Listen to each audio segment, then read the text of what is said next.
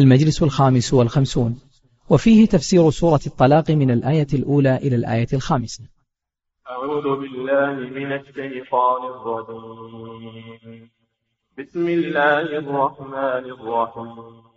يا أيها النبي إذا طلقتم النساء فطلقوهن لعدتهن وأحسن عدة واتقوا الله ربكم لا تخرجوهن من بيوتهن ولا يخرجن إلا أن يأتين بفاحشة مبينة. وتلك حدود الله. ومن يتعد حدود الله فقد ظلم نفسه. لا تدري لعل الله يحدث بعد ذلك أمرا. فإذا بلغن أجلهن فأمسكوهن بمعروف أو فارقوهن بمعروف وأشهدوا ذوي عدل منكم وأقيموا الشهادة لله. ذلكم يوعظ به من كان يؤمن بالله واليوم الآخر. ومن يتق الله يجعل له مخرجا ويرزقه من حيث لا يحتسب. ومن يتوكل على الله فهو حسبه. إن الله بالغ أمره. قد جعل الله لكل شيء قدرا واللائي يئسن من المحيض من نسائكم إن ارتبتم فعدتهن ثلاثة أشهر فعدتهن ثلاثة أشهر واللائي لم يحضن وأولاة الأحمال أجلهن أن يضعن حملهن. ومن يتق الله يجعل له من أمره يسرا. ذلك أمر الله أنزله إليكم ومن يتق الله يكفر عنه سيئاته ويعظم له أجرا. بسم الله الرحمن الرحيم. الحمد لله رب العالمين والصلاة والسلام على نبينا محمد وعلى آله وأصحابه أجمعين. هذه السورة تسمى سورة الطلاق لأن الله سبحانه وتعالى ذكر فيها أحكام الطلاق وحدوده وما يترتب عليه. لذلك سميت في سورة الطلاق. فقال سبحانه وتعالى يا أيها النبي إذا طلقتم النساء. الخطاب موجه للنبي صلى الله عليه وسلم ولأمته لأن الله قال يا أيها النبي إذا طلقتم النساء. فأوله موجه للنبي صلى الله عليه وسلم وبعده موجه للأمة إذا طلقتم. ويدخل فيها النبي صلى الله عليه وسلم. فالحكم عام ولكنه وجه الخطاب للنبي صلى الله عليه وسلم من باب التشريف والتكريم له صلى الله عليه وسلم. ولأنه هو القدوة للأمة يا أيها النبي يا حرف نداء كما هو معلوم وأي منادى أي وصلة للمنادى. وها للتنبيه يا أيها هذه للتنبيه. والمنادى هو النبي صلى الله عليه وسلم. يا أيها النبي والنبي والرسول بينهما عموم وخصوص كما هو معلوم. فكل رسول فهو نبي وليس كل نبي رسولا. فبينهما عموم وخصوص. يا أيها النبي والنبي قالوا إما أنه مأخوذ من النبوة وهي الارتفاع لرفعة شأنه وقيل مأخوذ من النبأ وهو الخبر وهو الخبر لأنه مخبر عن الله. جل وعلا. فعلى المعنى الأول يا أيها النبي. وعلى المعنى الثاني يا أيها النبي. بالهمزة أي المخبر عن الله سبحانه وتعالى. إذا طلقتم النساء الله جل وعلا شرع الطلاق عند الحاجة عند الحاجة إليه. لأن فيه فرجا لكل من الزوجين إذا لم يستقم الحال والعشرة بينهما فلا بد من الطلاق إزالة للضرر وإن يتفرقا يغني الله كل من سعته. كان الله واسعا حكيما. غير أن الطلاق يكون هو الحل الأخير. يكون الطلاق هو الحل الأخير عند الاختلاف بين الزوجين.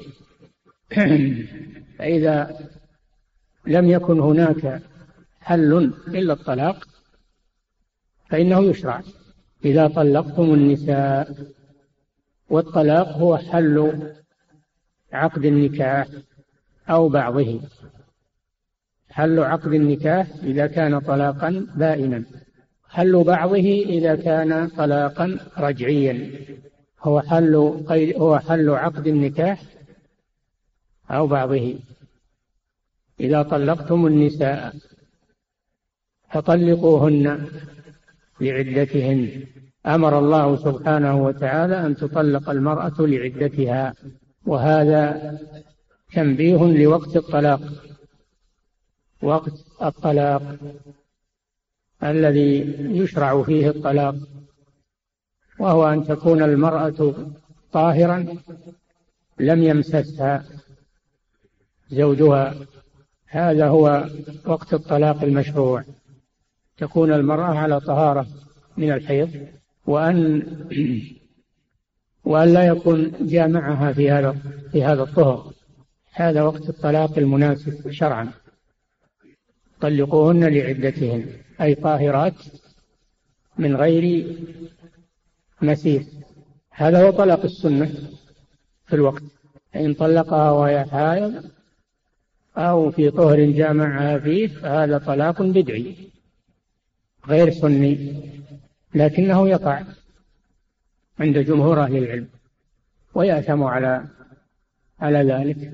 طلقوهن لعدتهن والعدة للمطلقة وللمتوفى عنها للمفارقة عموما. العدة للمفارقة الحكمة منها الحكمة الظاهرة منها العلم ببراءة الرحم. العلم ببراءة الرحم من الحمل. إذا كانت ممن يحمل. وكذلك العدة أيضا حمى. حمى للزوج الأول. واحترام للنكاح الأول. ففيها مصالح. فيها حكم عظيمة. طلقوهن لعدتهن. وأحصوا العدة. أحصوا العدة. أي اهتموا بشأن العدة من حيث البداية والنهاية. لا يقع فيها عقد لغير المطلق. لا يقع فيها عقد فالمعتدة لا يجوز العقد عليها ولا بل لا تجوز خطبتها تصريحا. ما دامت معتدة وأحصوا العدة فلا يجوز أن فلا يجوز أن ينقص شيء من العدة الشرعية. لا بد أن تستكمل ولا ينقص منها شيء من أجل الاستعجال للزواج وغير ذلك. أحصوا العدة وهذا وهذا فيه اهتمام بشأن العدة وألا يتساهل بها. ثم قال واتقوا الله ربكم اتقوا الله بفعل أوامره ترك نواهيه. ومن ذلك شأن العدة اتقوا الله فيها فلا تتلاعبوا فيها أو تفرطوا فيها أو تتصرف فيها. وهذا خطاب لا شك خطاب للزوج والزوجة. كل منهم منهما عليه أن يحصي العدة ويعتني بها.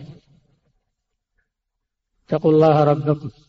ثم قال جل وعلا لا تخرجوهن من مقتضى تقوى الله أن لا تخرج المطلقة من بيت الزوجية مدة العدة.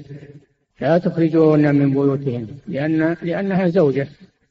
إذا كان طلاقها رجعيا فهي زوجة ولها السكنى ولها النفقة ولها ما للزوجات فلا تحرم من حقها ويخرجها المطلق من بيت الزوجية أو يقطع النفقة عنها. لا تخرجوهن من بيوتهن أضاف البيوت إليهن. أضاف البيوت إليهن مع أن البيوت للأزواج لكن لأن لهن حق السكنى فيها. لأن لهن حق السكنى فيها. لا تخرجوهن من بيوتهن. هذا نهي للرجال المطلقين. ثم قال ولا يخرجن هذا نهي للمطلقات. لأن بقاءها في بيت الزوجية مدة العدة أيضا حق للزوج. كما هو حق للزوجة المطلقة فهو أيضا حق للزوج. لعله يراجعها لعله فله الحق في بقائها في بيت الزوجية. ولا تخرج إلا بإذنه ولا يخرجن إلا أن يأتين بفاحشة. فاحشة ما تناهى من ما تناهى قبحه. الفاحشة ما تناهى قبحه من المعاصي. والأصل أن الفاحشة هي الزنا. فإذا كانت غير فإذا كانت غير صينة في عرضها فإن للزوج أن يخرجها ولا تبقى في بيته. تخرج لإقامة الحد عليها ول ولإبعادها عن المطلق. وكذلك الفاحشة المبينة الفحش باللسان. كأن تكون بذيئة أو شاتمة. تؤذي الزوج أو تؤذي أهل البيت بلسانها. هذا فحش. أو بفعلها. فحش بالفعل بأنها تضرب أو تفسد في البيت بأفعالها فإنها يحق للزوج أن يخرجها. دفعا للضرر دفعا للضرر عنه ولا يخرجن إلا أن يأتين بفاحشة مبينة واضحة واقعة فإنها للزوج أن يخرجها دفعا للضرر عنه. ثم قال جل وعلا وتلك حدود الله. هذا اسم إشارة. تلك حدود الله. اسم إشارة. وحدود الله محرماته محرمات. وتطلق حدود الله تطلق على منهياته وتطلق على مباحاته. فإذا كانت الحدود هي المحرمات الله جل وعلا قال تلك حدود الله فلا تقربوها فلا تقرب إذا كانت الحدود من المباحات فإنها لا لا تتعدى. تلك حدود الله فلا تعتدوها. لا تتعدى الحلال إلى الحرام. فتلك حدود الله تلك حدود الله فلا تعتدوها بإخراج المطلقة عن بيتها من غير من غير مبرر. حدود الله في الطلاق أيضا لا تطلقوا في الحيض أو في طهر حصل فيه الجماع. هذا من تعدي حدود الله سبحانه وتعالى. ولا تتعدوا حدود الله في الطلاق ولا في المطلق. تلك حدود الله فلا تعتدوها. ثم بين جريمة من يتعدى حدود الله. فقال ومن يتعدى حدود الله فقد ظلم نفسه حيث عرضها لعقاب الله سبحانه وتعالى.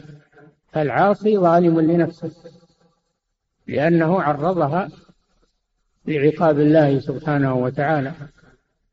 من يتعدى حدود الله فقد ظلم نفسه. ثم بين الحكمة من كون الزوجة لا تخرج من بي... من كون المطلقة الرجعية لا تخرج من بيتها ولا تخرج. بين الحكمة فقال لا تدري لعل الله يحدث بعد ذلك أمرا. لا تدري أيها المسلم أيها المطلق لعل الله يحدث بعد ذلك أي بعد الطلاق وذهاب الغضب أمرا من الندم على الزوجة التي طلقتها فيكون لك فرصة في مراجعتها يكون لك فرصة في مراجعتها. هذا أسهل وأقرب مما لو خرجت وبعدت عنك. إذا كانت في بيتك وفي سكنك وهي رجعية فلك الرجعة عليها ما دامت في العدة حق لك. وبعولتهن أحق بردهن. في ذلك. حق بردهن في ذلك يعني في العدة. فلعلك تندم بعد الطلاق فتكون لك الرجعة عليها وتكون في متناولك. المرأة ما يحتاج تسافر وتروح وتجيبها وترضاها وما أشبه ذلك. لأنها لم تغضب عليك ما دمت محسنا إليها وفي بيتك فهذا أسهل للرجعة. لا تدري لعل الله يحدث بعد ذلك أمرا.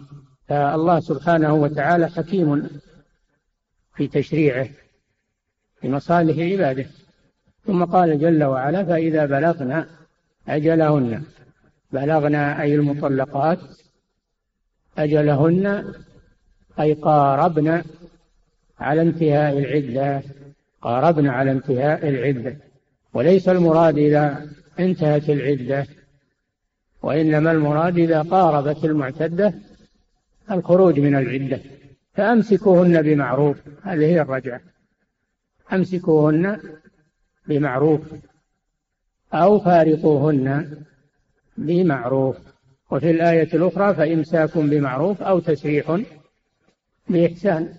فقوله جل وعلا فإذا بلغنا أجلهن أي قاربنا مثل قوله تعالى فإذا قرأت القرآن فاستعذ.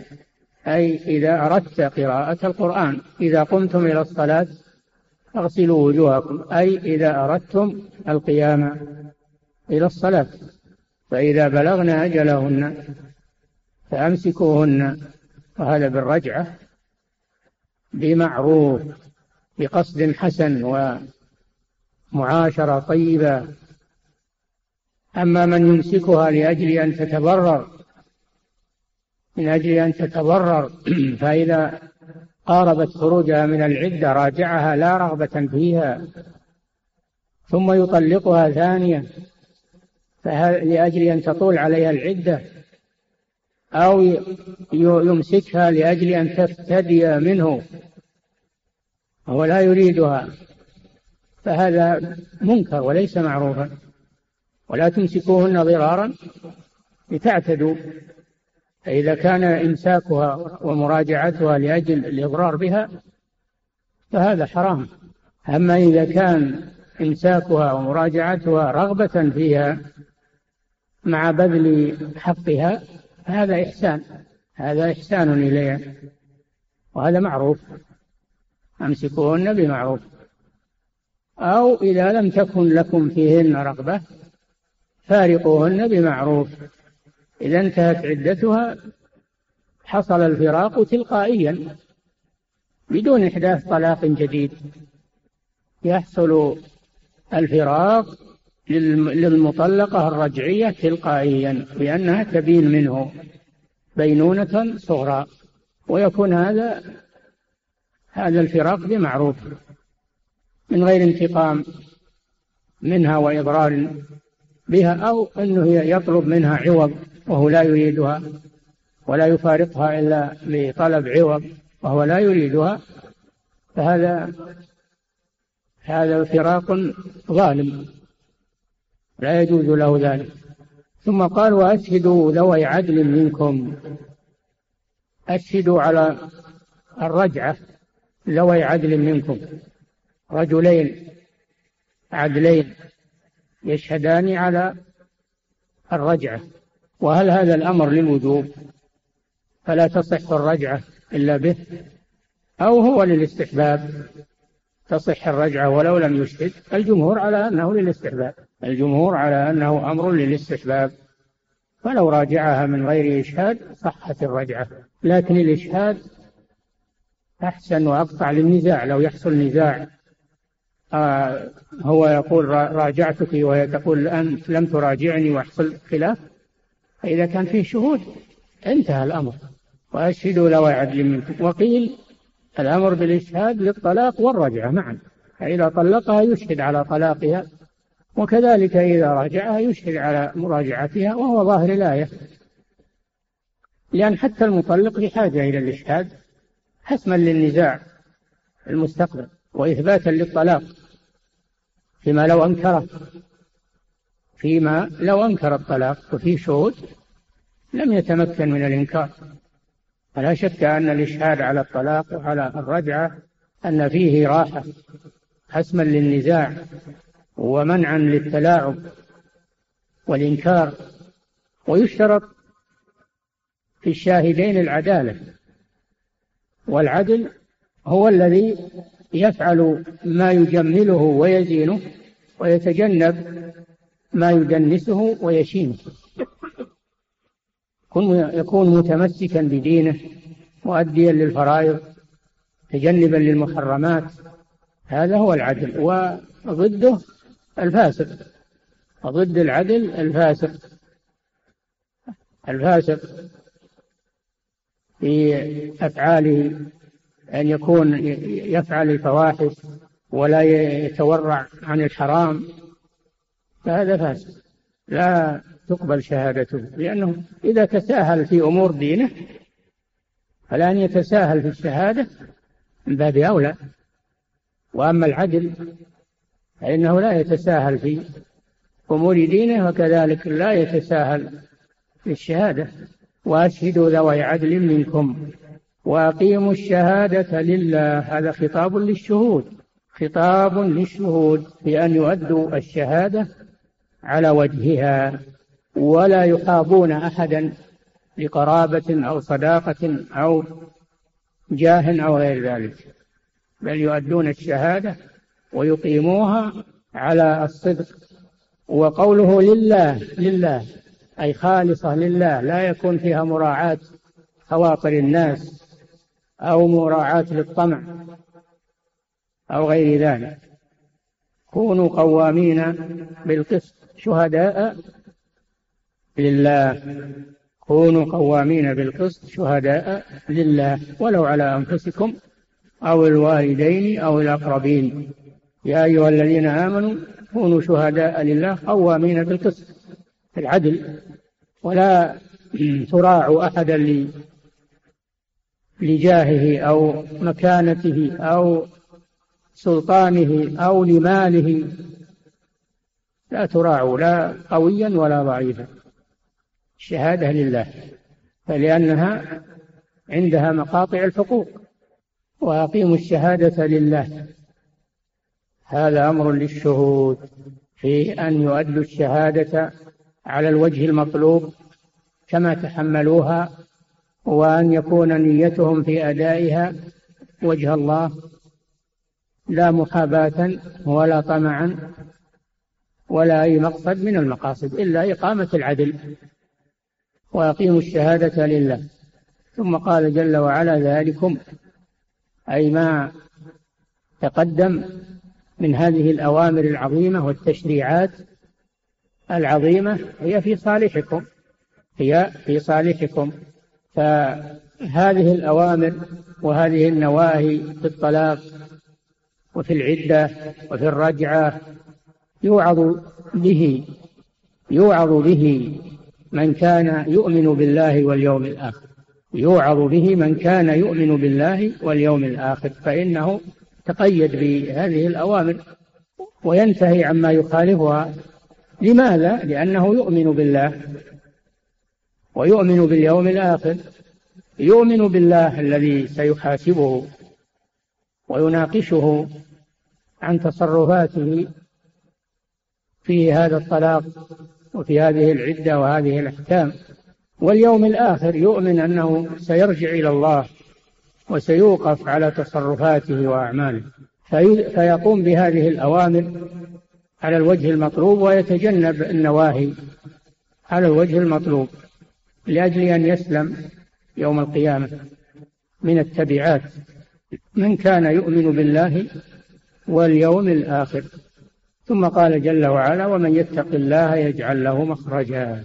من يتق الله يتخذ وقاية بينه وبين غضب الله ووقاية بينه وبين النار والعذاب. تقيه. من ذلك. ما هي الوقاية؟ هي فعل ما أمر الله به رجاء ثوابه وترك ما نهى الله عنه خوفا من عقابه. هذه هي التقوى. ومن يتق الله ما هي ثمرة التقوى؟ يجعل له مخرجا. كل ما ضاقت عليه الأمور يسر الله له المخرج منها بسبب أنه يتقي ربه سبحانه وتعالى. فهذا من ثمرات التقوى أن الله يفرج له عند الضيق مخرجا من كل شدة. أما من لا يتقي الله فإن الله لا يجعل له مخرجا إذا وقع في شدة. ولهذا قال صلى الله عليه وسلم لعبد الله بن عباس وكان غلاما خلفه على الدابة يا غلام إني أعلمك كلمات احفظ الله يحفظ احفظ الله تجده تجاهك. إذا سألت فاسأل الله. وإذا استعنت فاستعن بالله. واعلم أن الخلق لو اجتمعوا على أن ينفعوك بشيء لم ينفعوك إلا بشيء قد كتبه الله لك. ولو اجتمعوا على أن يضروك لم يضروك إلا بشيء قد كتبه الله عليك. رفعت الأقلام وجفت الصحف فليعلق المسلم قلبه بالله عز وجل ويتقي ربه من أجل أن الله يفرج له عند الكروبات والشدائد. من يتق الله يجعل له مخرجا من كل ما يضيق على الناس وزيادة على ذلك يرزقه يرزقه يدر عليه الرزق الحلال الطيب من حيث لا يحتسب من حيث لا يتوقع. فيأتيه الرزق من حيث لا يتوقع أن يأتي منه لأن الله يسره له وساقه وساقه له ويرزقه من حيث لا يحتسب. ثم قال جل وعلا ومن يتوكل على الله يفوض أموره إلى الله ويعتمد على الله دون غيره فهو حسبه اي كافيه فهو حسبه أي كافيه يكفيه كل ما اهمه من أمور دينه ودنياه. فعلى الله فليتوكل المؤمنون وعلى الله فليتوكل المتوكلون. فهو الوكيل سبحانه وتعالى الموكول إليه أمور عباده. ولا تتوكل على مخلوق توكل على الله جل وعلا.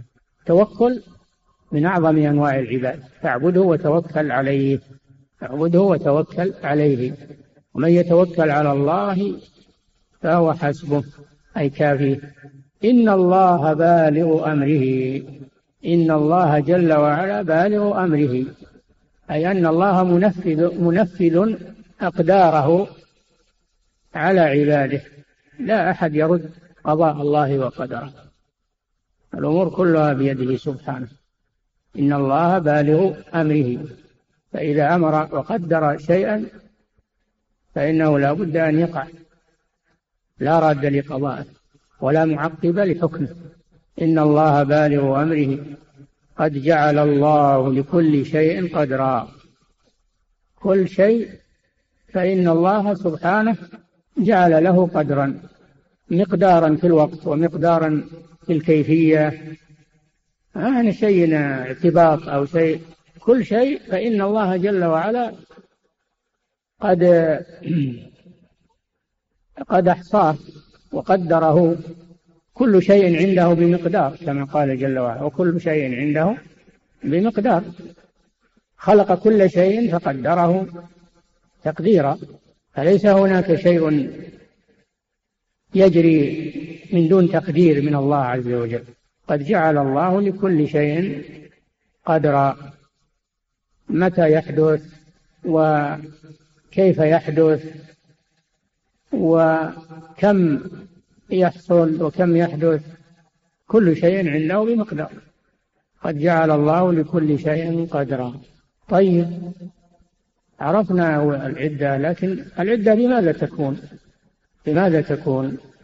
العدة بالنسبة للتي تحيض ثلاث حيض. والمطلقات يتربصن بأنفسهن ثلاثة قروء أي ثلاث حيض بعد الطلاق. وقيل العدة ثلاثة أطهار ثلاثة أطهار لأن القرء معناه الطهر. القرء لفظ مشترك يطلق على الحيضة ويطلق على الطهر. فالعلماء اختلفوا بعضهم يقول آه، العدة ثلاثة ثلاث حيض وهذا هو الظاهر. ثلاث حيض وبعضهم يقول العدة ثلاثة أطهار.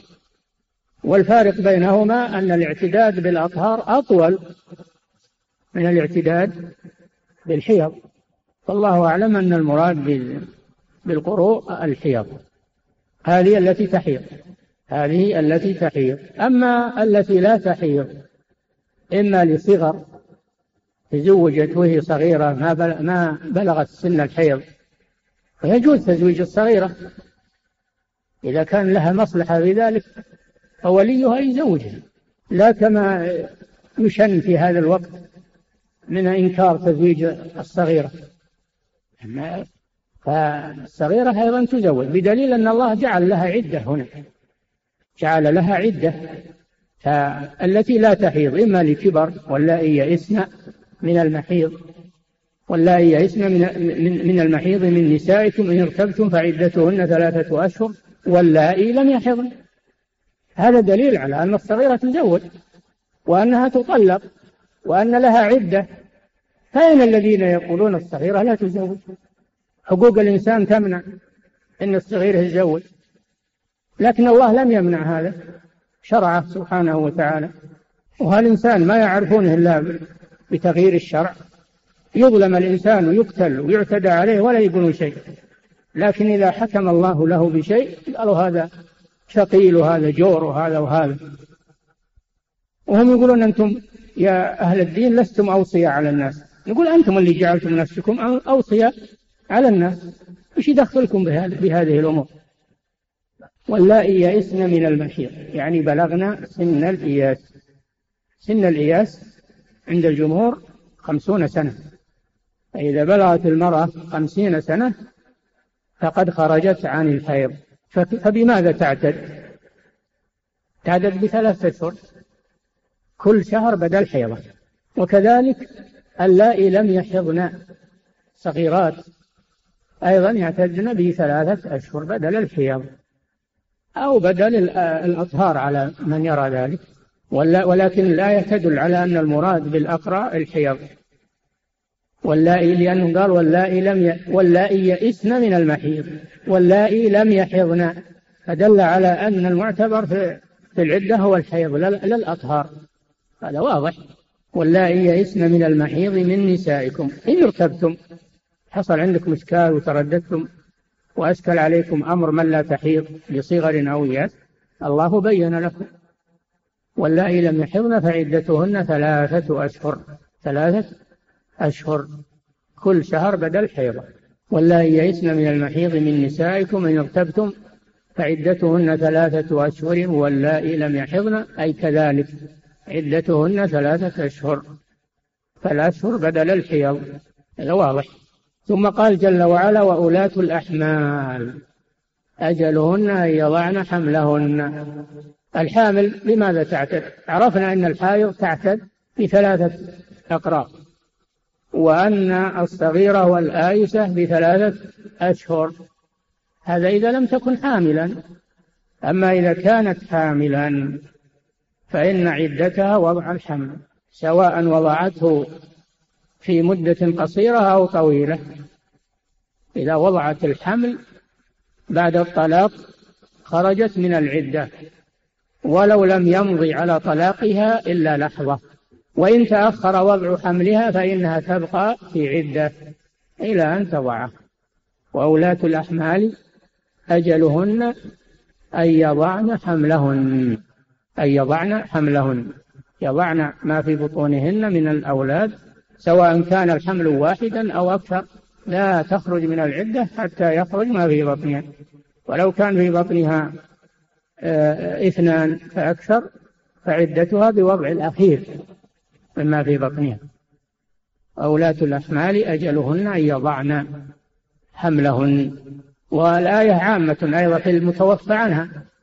الله جل وعلا قال في المتوفى عنها والذين يتوفون منكم ويذرون أزواجا يتربصن بأنفسهن أربعة أشهر وعشرا ظاهر الآية أن المتوفى عنها عدتها أربعة أشهر وعشر مطلق.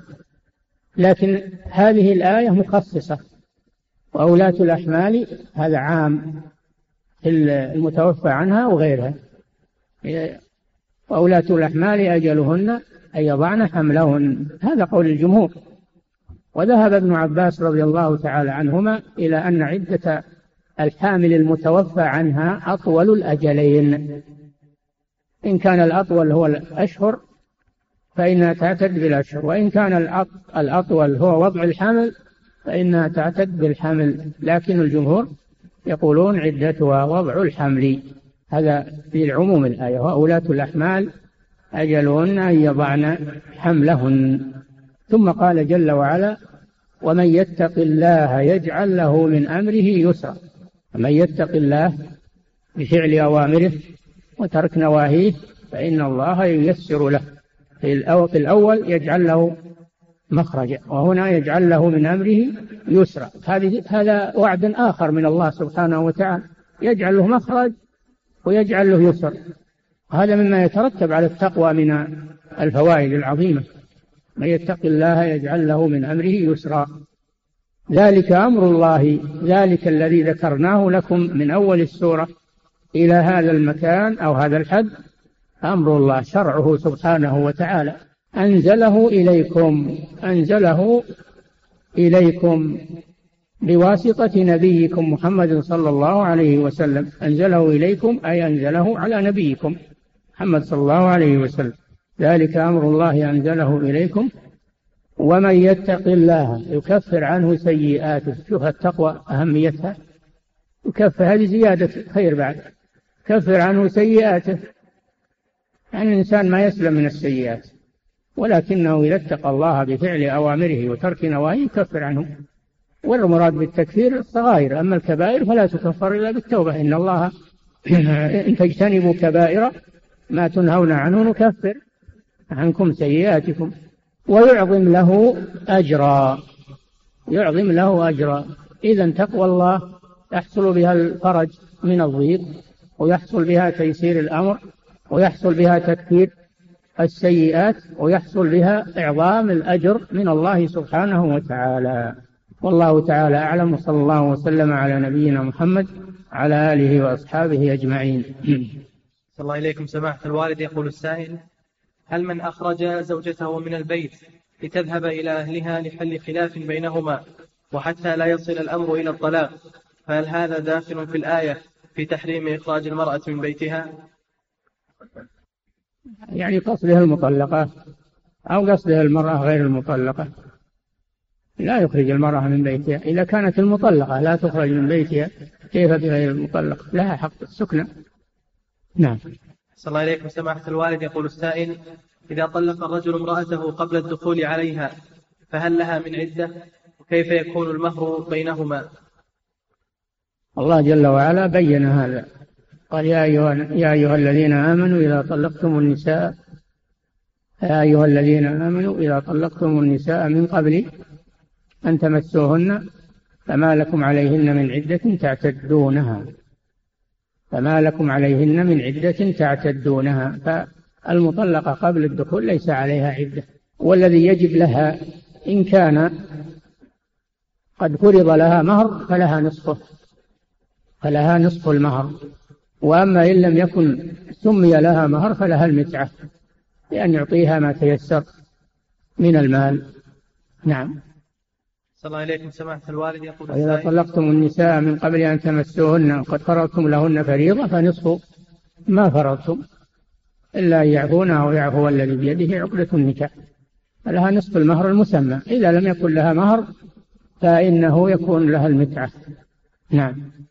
أحسن الله إليكم. سماحة الوالد يقول السائل لا جناح عليكم إن طلقتم النساء ما لم تمسوهن أو تفرضوا لهن فريضة ومتعوهن. على الموسع قدره وعلى المقتر قدره. كل على حسب حاله الغني والفقير. نعم. أحسن الله إليكم. سماحة الوالد يقول السائل ما هي الحكمة في أن الزوج لا يجامع زوجته في الطهر الذي يطلقها فيه؟ لأنه تطول عليها العدة لأن ما يبحث بتنهى الطهر هذا. ما يبحث بتنهى الطهر هذا. تستقبل أطهارا جديدة فيطول عليها العدة. نعم. أحسن الله إليكم سماحة الوالد. يقول السائل إذا طلق الرجل زوجته وهي حائض فهل يقع الطلاق؟ نعم. عند الجمهور يقع. لأن ابن عمر طلق امرأته وهي حائض فأمره النبي صلى الله عليه وسلم أن يراجعها. ولو كان الطلاق لم يقع لم يأمره بمراجعتها لأن الرجعة لا تكون إلا من طلاق واقع. نعم. صلى الله إليكم سماحة الوالد يقول السائل من طلقها زوجها ثم مات في أثناء العدة فهل تعتد عدة الوفاة أم عدة الطلاق؟ إذا كانت ترث فإنها تعتد عدة الوفاة. إذا كانت رجعية إذا كانت رجعية ومات في عدتها فإنها لأن ما زالت زوجة فتعتد للوفاة من جديد من الموت وترث منه. أما إذا كانت بائنا فهي تبقى على عدتها. نعم. أحسن الله إليكم سماحة الوالد يقول السائل ما هي طريقة التعريض بخطبة المعتدة؟ أن يقول أنا أريد أن أتزوج أنا ألتمس امرأة. الله يرزقني امرأة صالحة أو أن يرزقني امرأة مثلك أو نعم يعني من هالكلام هذا. نعم. صلى الله إليكم سماحة الوالد يقول السائل في الفترة الأخيرة كثر الطلاق حتى ذكر المتخصصون في ذلك نسبا كبيرة فهل من توجيه من فضيلتكم لذلك؟ نعم كثر الطلاق بسبب بسبب النساء. ساءت أخلاقهن وساءت عشرتهن وتكبرن على الأزواج بسبب الدراسة وبسبب الوظيفة وبسبب فهي صارت كأنها رجل آخر. فلذلك الزوج ما يصبر عليها. الزوج يبي امرأة يبي امرأة في طاعته وفي بيته وفي تدبيره وخدمته فالمرأة الآن استرجلت. هذا سبب الطلاق. هذا هو سبب كثرة الطلاق. نعم. أحسن الله إليكم سماحة واللي ينادون بحرية المرأة. هو يبونها يبونها هالنتيجة السيئة. يفسدون المجتمع. نعم. حرية المرأة عن الشرع وأحكام الله. حريتها فيما شرع الله. هذه هي الحرية. لا في إطلاقها وخروجها على أوامر الشرع. هذه رق ما هي بحرية. نعم. أحسن الله إليكم سماحة الوالد. يقول السائل لو, لو نوى الإنسان الطلاق في نفسه أو حدثته نفسه في أمر الطلاق فهل يقع الطلاق والحال هذه؟ الطلاق لا يقع إلا بالتلفظ ما يقع بالنية. لا يقع إلا إذا تلفظ به. نعم. أحسن الله إليكم سماحة الوالد. يقول السائل هل يقع طلاق المحرم؟ نعم يقع. الممنوع المحرم أنه يتزوج. ممنوع أنه يتزوج أو يخطب أو يذكر أمور الجماع والنكاح. وأما الطلاق فإنه يقع نعم. أحسن الله إليكم سماحة الوالد. يقول السائل من قال علي الحرام إن فعلت إن فعلت كذا فهل يقع طلاقا؟ حسب ما ينوي. إن كان أراد بالحرام الطلاق يكون طلاقا. وإن أراد به وإن أراد به الظهار يكون ظهارا وإن لم يرد لا طلاقا ولا ظهارا يكون يمينا مكفرا. يا أيها النبي لم تحرم ما أحل الله لك؟ إلى قوله تعالى قد فرض الله لكم تحلة أيمانكم. نعم. صلى الله إليكم سماحة الوالد. يقول السائل المطلقة الرجعية هل تكون رجعتها بعقد جديد أم بإشهاد شهود؟ ها؟ يقول أحسن الله إليكم المطلقة الرجعية. هل تكون رجعتها بعقد جديد أم بإشهاد شهود؟ كيف يكون بعقد جديد؟ هي زوجته كيف يعقد على زوجته؟ يعقد عليها يسترجعها بموجب النكاح الأول لأنها لم ينحل كله باقي. نعم. أحسن الله إليكم سماحة الوالد. يقول السائل رجل زنى بامرأة ثم تاب من ذلك وأراد أن يتزوجها فهل يجوز ذلك شرعا؟ الله جل وعلا قال الزاني لا ينكح إلا زانية أو مشركة والزانية لا ينكحها إلا زان أو مشرك حرم ذلك على المؤمنين. لكن إذا حصلت التوبة الصادقة إذا حصلت التوبة الصادقة منه ومنها وخرجت من العدة فله أن يتزوجه. نعم. صلى الله إليكم سماحة الوالد. يقول السائل في قوله تعالى يا أيها النبي إذا طلقتم النساء يقول هل ثبت أن النبي صلى الله عليه وسلم قد طلق امرأة من نسائه؟ نعم. قيل إن سبب نزول هذه الآية أن الرسول صلى الله عليه وسلم طلق حفصة بنت عمر رضي الله عنها. ثم إن الله أمره أن أن يرجعها وأنها صوامة قوامة وأنها زوجته في الجنة فأعادها الرسول صلى الله عليه وسلم يعني راجعها.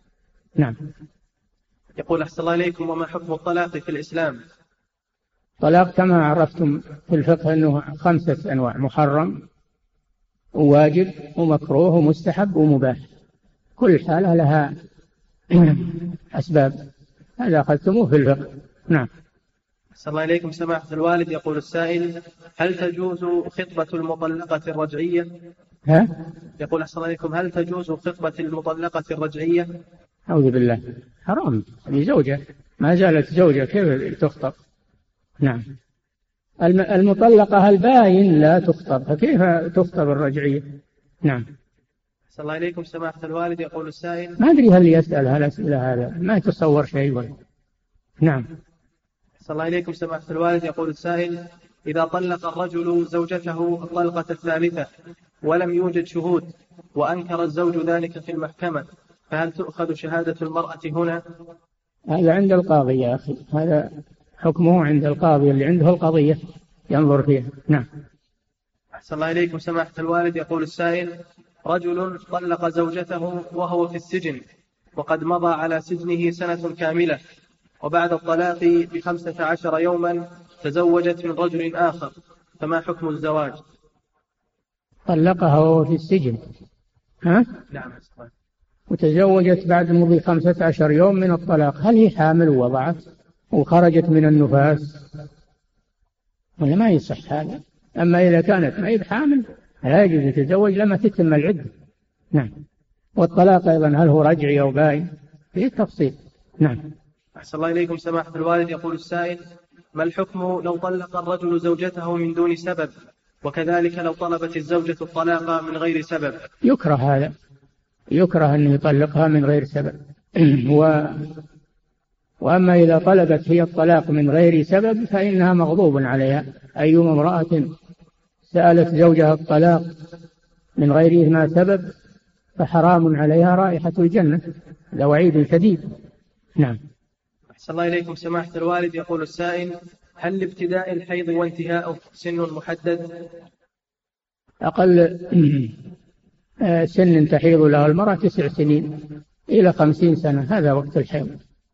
من تسع إلى خمسين سنة. نعم. أحسن الله إليكم سماحة الوالد. يقول السائل لو قال رجل لامرأته أنت طالق ثلاثا في مجلس واحد فهل هذا طلاق بائن؟ نعم. طلاق بائن. في مجلس أو في مجالس كله سواء. بلفظ واحد أو متفرق. نعم. صلى الله إليكم سماحة الوالد. يقول السائل إذا كان الرجل غير متزوج وقال علي الطلاق فهل تكتب عليه طلقة واحدة فيما لو تزوج مستقبلا؟ لا. هذا عبث. طلقه ما عندي زوجة هذا عبث. نعم. صلى الله إليكم سماحة الوالد. يقول السائل طلقت امرأتين ولم يتم الدخول بهما وقد تزوجت بعدهما ورزقني الله عز وجل بولد فهل ولدي تحرم تحرم عليه المطلقتين السابقتين؟ نعم. تحرمان عليه لأنهما زوجات أبيه. نعم. تحرم بالعقد. زوجة الأب تحرم بالعقد. ولو لم يدخل بها. ولا تنكحوا ما نكح آباؤكم من النساء. إلا ما قد سلف. والمراد بالنكاح هنا العقد. نعم. أحسن الله إليكم سماحة الوالد. يقول السائل هل الخلع له عد له عدة؟ نعم. وش وش كيف ما له عدة؟ كل فراق. كل فراق له عدة. نعم. صلى الله عليكم سماحة الوالد. يقول السائل هل يقع طلاق الغضبان؟ سبق أن فصلنا لكم. الغضبان على ثلاث أحوال. إن كان لا يتصور ما يقول من شدة الغضب فلا يقع. بالإجماع. لا طلاق في إغلاق. أما إذا كان يتصور ما يقول فإنه يقع طلاقه ولو كان غضبانا. نعم. صلى الله عليكم سماحة الوالد. يقول السائل هل يفسد الجماع عدة المرأة ولو لم يقصد به مراجعتها؟ إيش؟ يقول أحسن الله عليكم هل يفسد الجماع عدة المرأة؟ يفسد؟ نعم. ها؟ ولو لم يقصد به مراجعتها؟ هو الجماع مراجعة. إذا جامع زوجته الرجعية التي طلقها دون الثلاث جامعها بالعدة فقد راجعها. فإذا طلقها تستأنف عدة جديدة لأنه طلاق جديد. نعم. صلى الله عليكم سماحة الوالد. يقول السائل إذا كانت الزوجة تتهاون في الصلاة فهل تخرج من بيت زوجها في وقت العدة؟ إذا كانت تهاون في الصلاة هذه هذه من من الفواحش. تخرج لئلا تؤثر على بقية بناته والنساء اللاتي في البيت. نعم.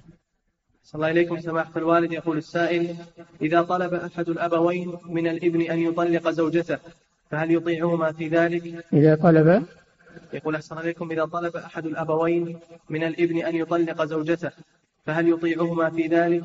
ولو لم يفعل هل يعد عاقا بهما؟ لا لا تلزمه طاعتهما في ذلك لأنه ليس لهما الحق في أن يتدخل في طلاق امرأة الإبن من غير سبب شرعي بس لأجل الهوى أو لأجل النفس لا ما يجوز هذا حرام عليهما التدخل في هذا ولا يطيعهما أيضا وهذا من حقه هو نعم.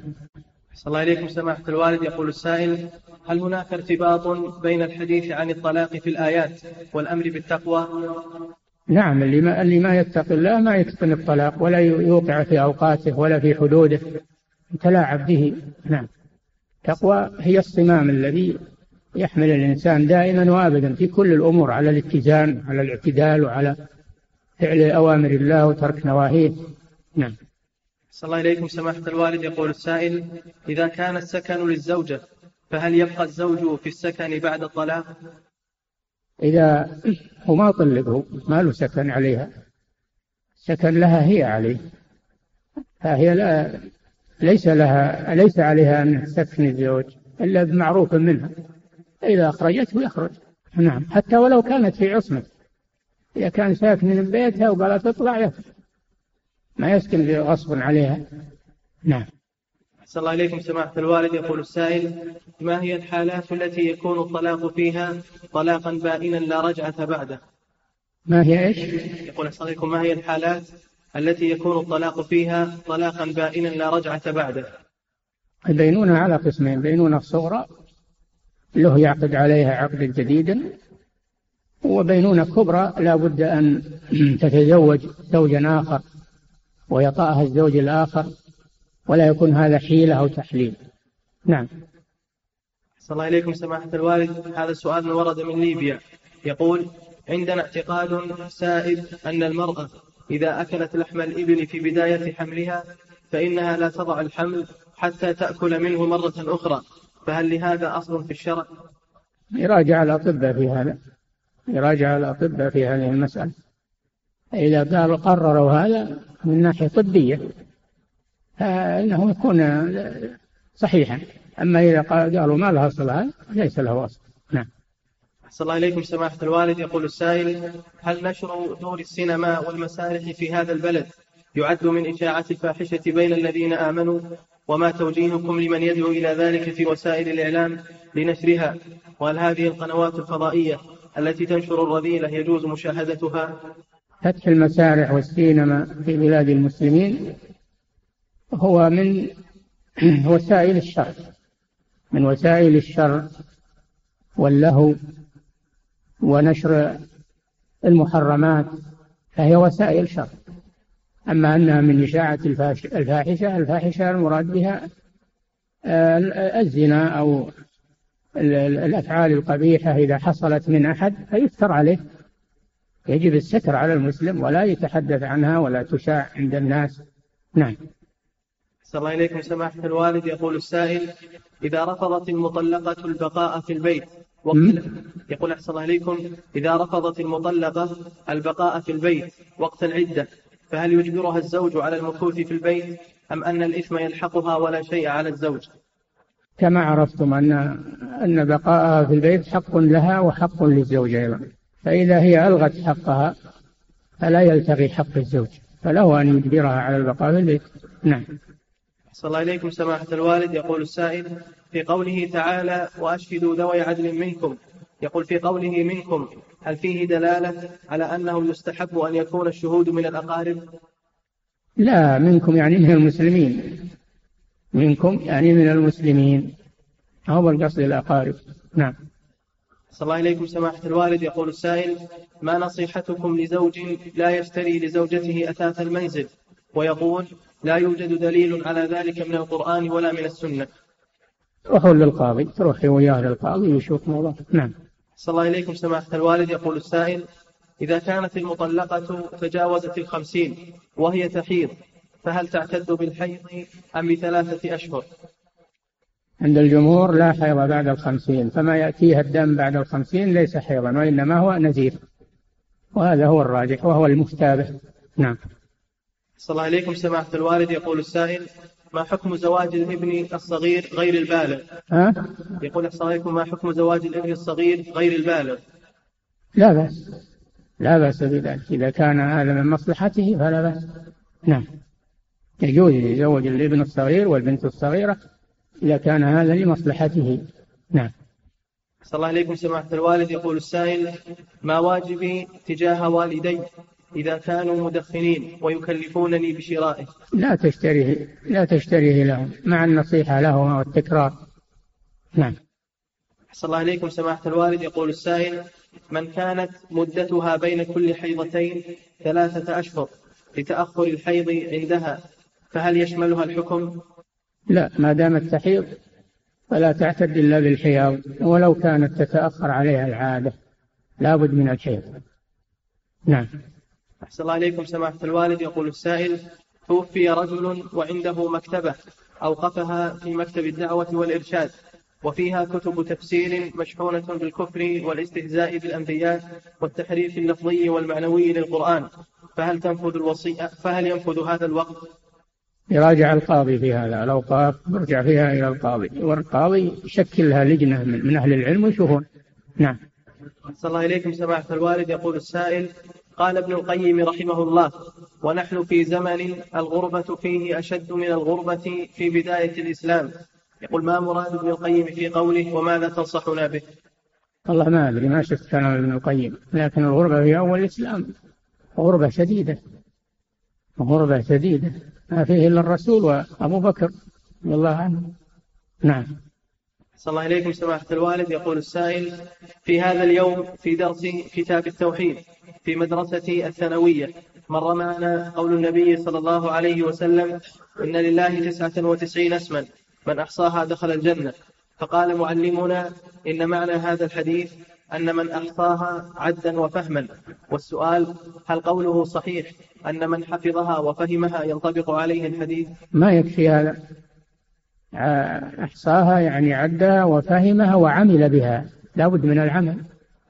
لابد من العمل بها. نعم. صلى الله إليكم سماحة الوالد. يقول السائل هل صحيح أن الشريعة الإسلامية جاءت بجواز اللعب مع الزوجة وأن الإنسان يؤجر على ذلك؟ نعم هذا من حسن العشرة وعاشرهن بالمعروف. هذا داخل في حسن العشرة ويؤجر عليه إذا كان يريد امتثال أمر الله سبحانه وتعالى. نعم. صلى الله إليكم سماحة الوالد. يقول السائل زوجتي تستخدم مانعا للحمل وهو عبارة عن لصق تضعه على كتفها. ويجب وهو عبارة؟ وهو عبارة عن لصق تضعه على كتفها.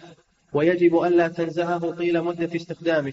فإذا كان هذا اللصق يمنع الماء عند الغسل فهل يجوز استعماله؟ أولا منع الحمل فيه فيه تفصيل.